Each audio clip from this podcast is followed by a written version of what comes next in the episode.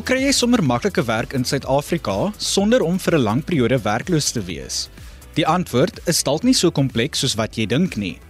Ek is Adrian Brandt en ek kuier vir die volgende paar minute saam met jou op Kompas.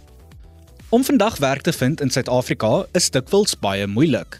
Daar word van jou verwag om 'n naskoolse kwalifikasie te hê, jy moet oor vaardighede beskik en dan moet jy jouself ook kan bemark as die perfekte kandidaat vir die pos. Soms is dit nie eens genoeg nie en moet jy mense ken of omkoopgeld betaal net om uit te vind dat jou aansoek steeds onsuksesvol was.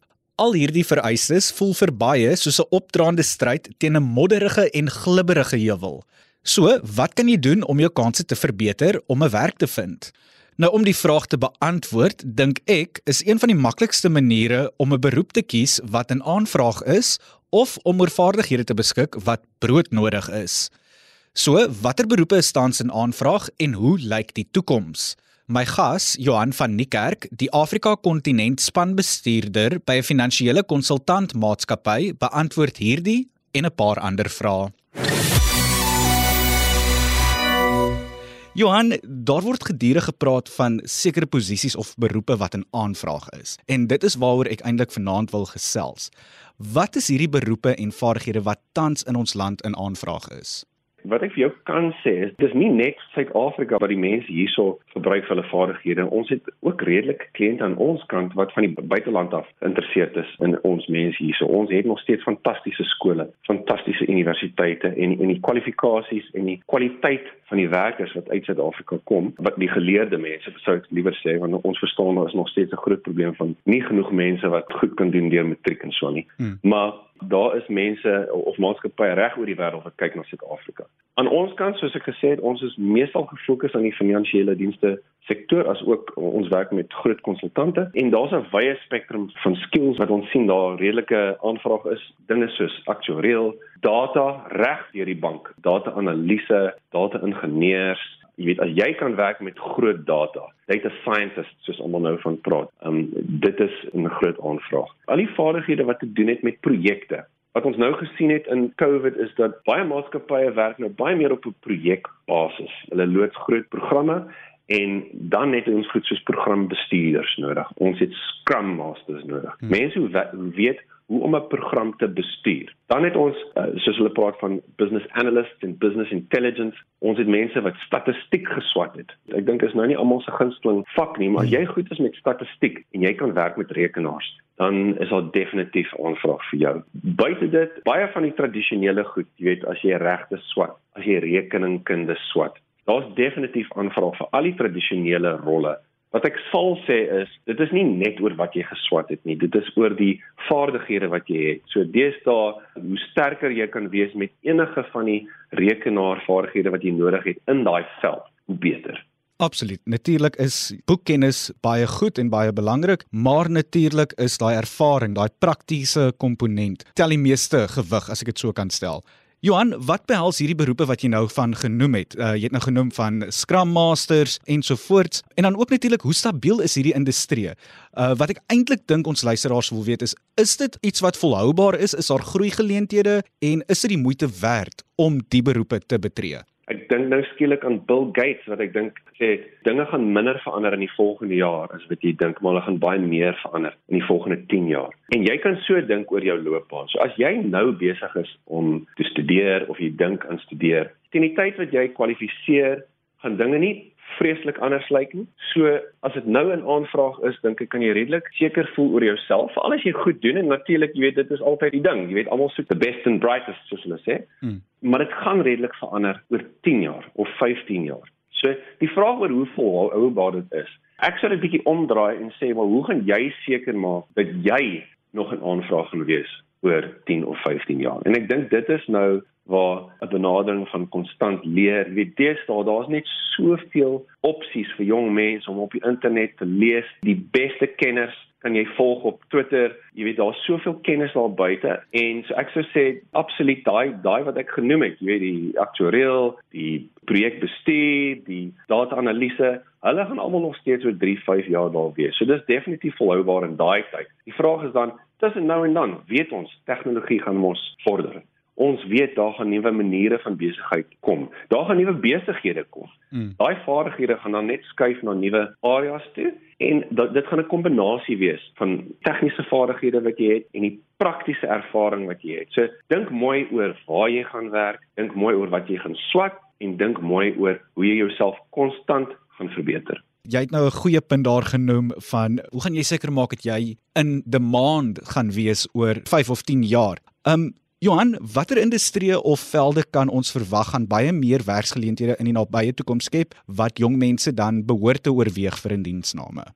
Ons is nou en ek weet dit is 'n ding wat baie mense oor praat die fourth industrial revolution soos hulle dit noem. Mm. Wat dit eintlik is is net nuwe maniere van werk met tegnologie wat bymekaar kom en nuwe velde oopmaak. So amper enige ding wat jy sou swat of in kan werk wat te doen het met tegnologie, jy daar's 'n spasie. Of dit nou is, jy weet die ouens wat wat hou van coding soos hulle dit noem mm. en dit kan daar's natuurlik baie verskillende tale waarin jy kan code. Dit kan data-analise wees, dit kan weet enigiets met met groot data, big data soos hulle nou daaroor praat. Mm. Search engine optimization, enigiets daarmee te doen. Ek bedoel deesdae ek en jy is heel moontlik glad nie die mense om hieroor te praat nie. Die jong mense weet seker heel moontlik baie meer as ons. Mm. Maar enigiets te doen met tegnologie wat nou vinnig verbeter, gaan daar definitief werksgeleenthede wees. Aan die ander kant is ons natuurlik gefokus soos ek vir jou gesê het op finansiële dienste en kyk enigiets te doen met geld. So as jy mense kan help om meer geld te maak of geld te spaar of krisisse soos in die versekeringskant van dinge te vermy dit is ook geleenthede. So ek bedoel dit is die finansiële sektor en definitief versterk. Suid-Afrika het 'n baie groot en sterk en baie gevorderde finansiële sektor. So ek dink dit is ook 'n baie goeie plek om te wees. Jy weet baie mense is bekommerd oor tegnologie wat jou werk gaan wegvat. Ek dink nie dit gaan gebeur nie. Ek dink dit gaan baie van die minder interessante dele van die werk wegvat. En so, jy weet enige werk wat 'n masjien net kan doen, jy weet as jou job net was of jou werk net was om dieselfde ding oor en oor en oor te doen, moet jy dalk bietjie daaroor dink, maar as as daar iets is wat jy kan kritiese denke gebruik, jy kan jou vaardighede gebruik en daai wat jy geleer het, kan jy in verskeie situasies gebruik om probleme op te los. Dan is jy in 'n goeie plek. Johan, van selfsprekend is studiekwalifikasies 'n noodsaaklikheid. Watter studierigtinge kan mense oorweeg wat in hierdie velde wil werk? As jy nou dink oor die meer tradisionele areas, jy weet, regte, rekeningkunde, aktuariël, bemarking, Die groot universiteite is natuurlik 'n baie goeie plek om te kom. Baie maatskappye wat ons sien, uh, hou van sekere universiteite. Ek weet noem enige van die grootes, ook areas soos statistiek soos ek genoem het. As jy nou kyk na areas in die data en die tegnologie, daar's nou 'n klomp nuwe maatskappye en en en kwalifikasies wat 'n mens kan doen wat beide op die internet is of of deur instansies wat wat nie een van die groot universiteite is wat jy definitief kan oorweeg val in areas soos data science en so on. Ek sou sê vat die tyd om met 'n paar mense te praat soos jy gesê het wat wat wat 'n mentor is wat wat die area ken en vra vir hulle waar sien hulle kom die beste vaardighede van wie leer die mees en kom uit nie net met boekkennis nie, maar maar, maar die vermoë om 'n verskil te maak in die werksplek. Praat bietjie met hulle en en vind uit. Dit is baie moeilik vir my om oor al hierdie opsies te praat, maar eintlik elke een het 'n ander antwoord. So ek sou sê vind iemand en of vind 'n paar mense en praat bietjie met hulle. En dit is natuurlik waar weer eens daai belangrike woord inkom as dit kom by jou professionele lewe en dit is networking. Kry 'n mentor, gesels met kenners in die industrie, bou vir jou koneksies op, kry daai thought leaders, volg hulle en volg wat hulle sê, volg wat hulle voorspel en dit gaan jou help eendag in die toekoms. Dit is Johan van Niekerk van 'n finansiële konsultantmaatskappy wat oor beroepe en vaardighede gesels wat tans in aanvraag is. Nou, vir enige professionele werk het jy twee dinge nodig: kennis in die vorm van 'n kwalifikasie en praktiese ervaring wat vaardighede toets. Dikwels skiet ons jong mense tekort in die laasgenoemde aspek. Gelukkig is daar dinge wat jy self kan doen om hierdie probleem te oorkom en ons sal later meer daaroor gesels, maar daar is ook nuwensgewende organisasies en instansies wat jou kan help voorberei vir die wêreld van werk, soos byvoorbeeld die Arambi Youth Employment Accelerator. Marie-Louise Vanston is 'n woordvoerder by Arambi en sy vertel vir ons hoekom jong mense deel moet wees van hulle netwerk en hoe hulle werksoekers help om werk te vind. Jy luister na Kompas op RSG. Maar Louise, soos ek verstaan, is Harambee 'n nuwensgewende organisasie wat die jeug help om die arbeidsmag eendag te betree. Vertel vir ons 'n bietjie meer van die werk wat julle doen en dan ook hoe julle dit doen. Ja, dit is so lekker om weer te praat oor Harambee. Ek weet ons het 'n vorige keer op 'n gesprek met jou gehad en dinge het alweer intussen soveel verander, maar Harambee is soos jy sê 'n nuwensgewende organisasie. Ons is 'n lid of 'n vennoot van en dit is nou in Engels, maar SA Youth. Dis gelukkig so 'n lekker term om te gebruik en 'n lekker term om te soek op 'n webwerf. So ek gaan 'n paar keer daarna verwys, maar ons is 'n lid van SA Youth en SA Youth is 'n netwerk van netwerke. Hmm. En die juist die doel van SA Youth is om dit vir 'n jong persoon of 'n werksoeker so maklik as moontlik te maak en so goedkoop as moontlik te maak om werk te soek en hulle self te bemagtig en voor te berei en reg te kry vir die wêreld van werk. So SA Youth, ons het twee produkte. Aan die een kant het ons 'n Mobi site, sa.youth.mobi, waar 'n jong persoon in Suid-Afrika net eenvoudig op die Mobi site kan gaan. Dit is 'n datavrye Mobi site Dit kos hulle geen geld om aan te sluit nie. En wat hulle regtig sien op hierdie platform is enige, kom ons noem dit advertensies van werk of studiegeleenthede. Aan die ander kant, ook op SAU, maar net op 'n ander produk is die SAU Partner Network en dit is vir ons maatskappye, werkgewers, organisasies in Suid-Afrika wat studie en werkgeleenthede het wat hulle juis wil adverteer aan jong mense in Suid-Afrika en daar's ook geen koste betrokke vir 'n maatskappy of 'n werkgewer om aan te sluit nie, maar daar's 'n hele proses wat ons volg om seker te maak dat ons die regte tipe geleenthede adverteer op SAU.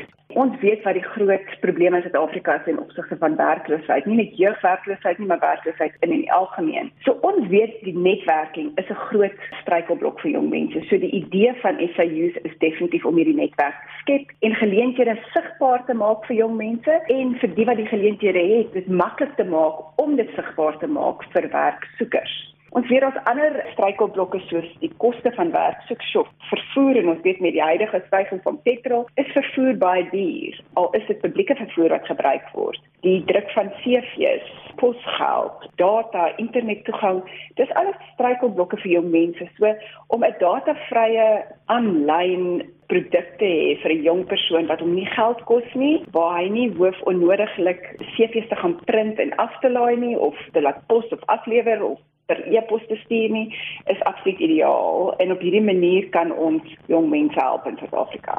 So as hulle gaan op die SAU.mobi site, is dit regtig 'n plek waar hulle meer inligting kan kry om hulle self voor te berei vir die wêreld van werk. Al is dit nie spesifiek om daai werk te kry dadelik nie, maar om die voorbereiding te doen. So daar's praktiese advies, ehm um, jy weet op vrae wat jong mense gewoonlik vra en ons ehm um, gee hulle voorbeelde van vrae wat in 'n onderhoud gevra word en hoe moet jy daai vrae beantwoord op 'n professionele manier in 'n onderhoud. Ons help jong mense ook al, al ons gaan nooit wegkom van die idee van 'n CV nie. En ons help hulle om 'n CV op te stel en ons gee hulle raad oor waar om werk te soek en 'n bietjie inligting oor basiese persoonlike finansies, begroting. En dan regtig wanneer dit kom by daai onderhoud, is dit absoluut kardinaal om te weet hoe trek ek aan, wat sê ek, hoe kom ek voor? Want daai eerste indruk is is 'n 'n blywende indruk en dit is so verskriklik belangrik om dit te doen. Ag, dis my se belangrik. En hierdie vaardighede moet eintlik regtig op hoërskoolvlak al aangebied word. En ons weet dit word op 'n sekere mate aangebied, maar jong mense moet soveel as moontlik sagte vaardighede bemeester. En om dit nou te verduidelik net vir almal wat luister, jy weet, hoe doen ek 'n onderhoud? Hoe tree ek op? Hoe is dit professioneel? Wat is die regte manier om op te tree? Daai is alles sagte vaardighede wat belangrik is. Daar is ook jy weet harde vaardighede wat 'n jong persoon kan bekom baie keer teen geen koste, jy weet, en mense moet net mooi gaan soek daarvoor.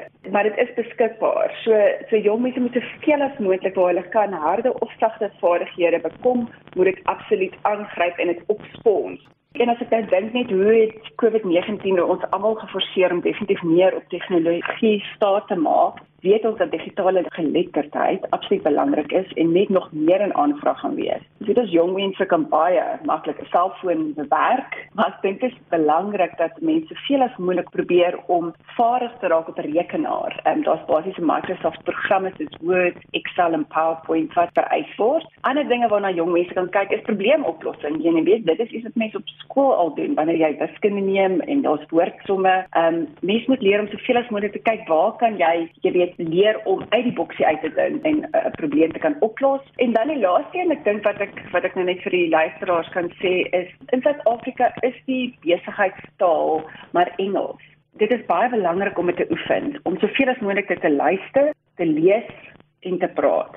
Jong mense kan begin om hulle eie storie te skryf en te vertel. Wat ek hiermee bedoel is regtig 'n jong mens moet oefen hoe om homself te kan accepteer. Vertel jou storie. Waar kom jy vandaan? Wat inspireer jou? Wat maak jou gelukkig? Wat sou dit vir jou en jou familie en jou gemeenskap beteken as jy 'n werk het? En soos wat jou omstandighede verander, gaan jy jou storie aanpas want my storie hierdie jaar gaan nie presies dieselfde wees as volgende jaar nie. Ja, so 'n paar jaar terug in die Oos-Kaap en het ons 'n projek gedoen saam met die premier van die Oos-Kaap, SAMSA, um, wat die South African Maritime Association is in Suid-Afrika en MEC Cruise Liners. En ons weet in die Oos-Kaap is daar spesifiek min werksgeleenthede en ook 'n hoë werkloosheidssyfer. En daar het ons jong mense toe opgelei om op passasiersskepe te werk. En weet jy wat vir my verskriklik lekker is dat ek nou nog op sosiale media kan sien waarvan hierdie jong mense wat ons 5 jaar gelede opgelei het, die hele wêreld vol toer terwyl hulle werk op die skepe maar so sien hulle die, die wêreld ook. Harambe het al groot sukses behaal. Hulle het ook al meer as 600 000 mense deur hul produkte en dienste gehelp om werk te vind in Suid-Afrika en verder het hulle groot drome. Hulle beplan om oor 5 jaar 3 miljoen jeugdiges te ondersteun om 'n werksposisie te vul.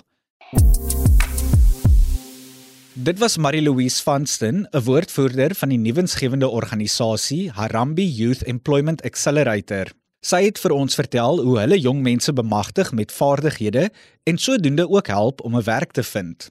Die Mobi site waarna sy verwys het, kan jy besoek op sayouth.mobi en soos sy gesê het, dit is gratis, mahala en kos jou niks nie, nie eens data nie.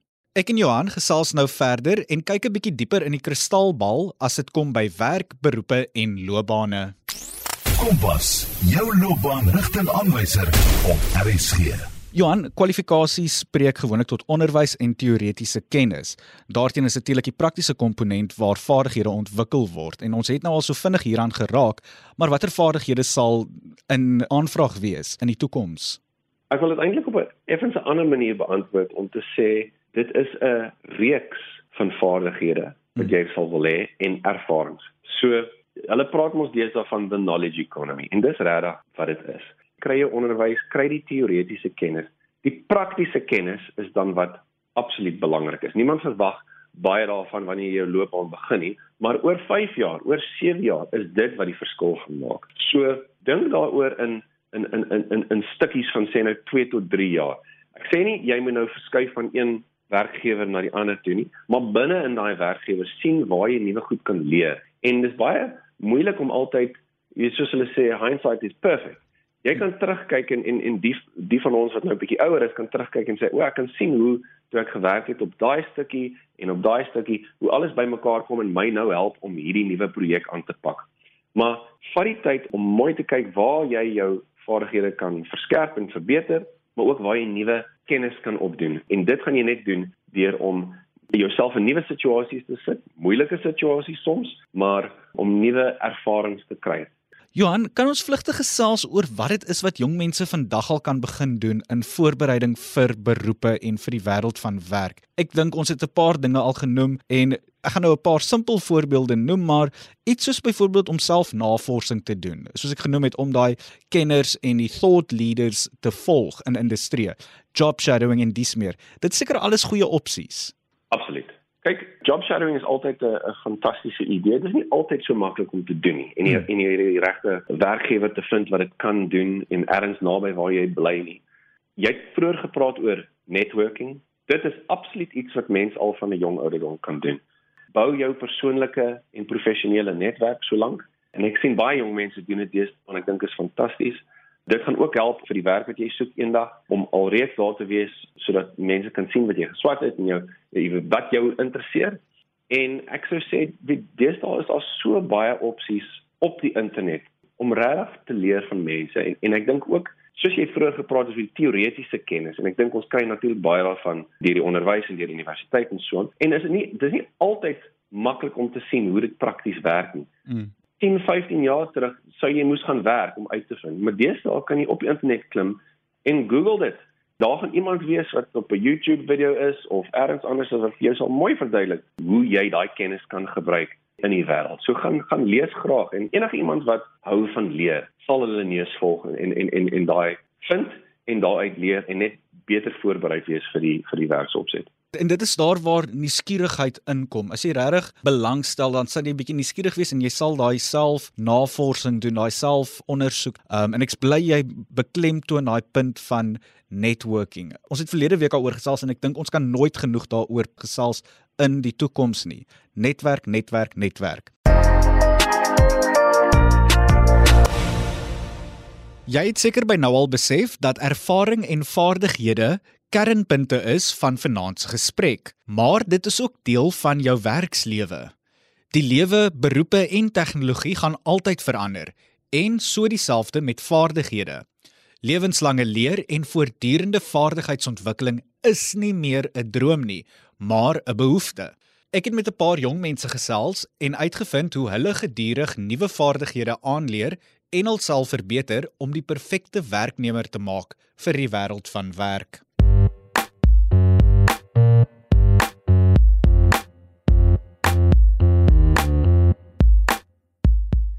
Eindelik is ek werkloos. Ek het hotelbestuur studeer en om werk te vind is nou skaars, maar vir tyd en wyl is ek besig om short courses te doen wat behels um human resources, management, accounting en dan is ek ook besig om natydse navorsing te doen oor die verskillende tipes programme wat verskillende besighede gebruik sodat as ek in 'n posisie kom waar hulle van my benodig om 'n sekere program te gebruik, kan ek hopelik sê ek het kennis van hierdie program en ek kan dit gebruik en ek probeer enigiets doen en leer sodat ek 'n aanwinst kan wees vir enige besigheid.